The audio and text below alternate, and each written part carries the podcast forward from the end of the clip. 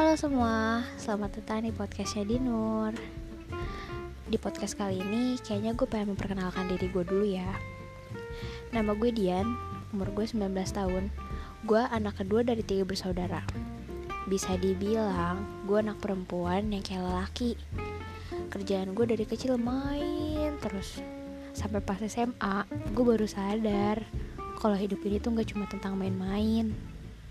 Ya walaupun tanpa gue sadari dari kecil tuh gue udah berjuang banyak.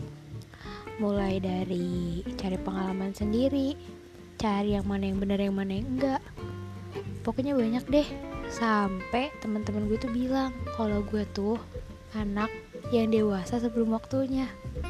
Mungkin itu dulu ya dari gue. Thanks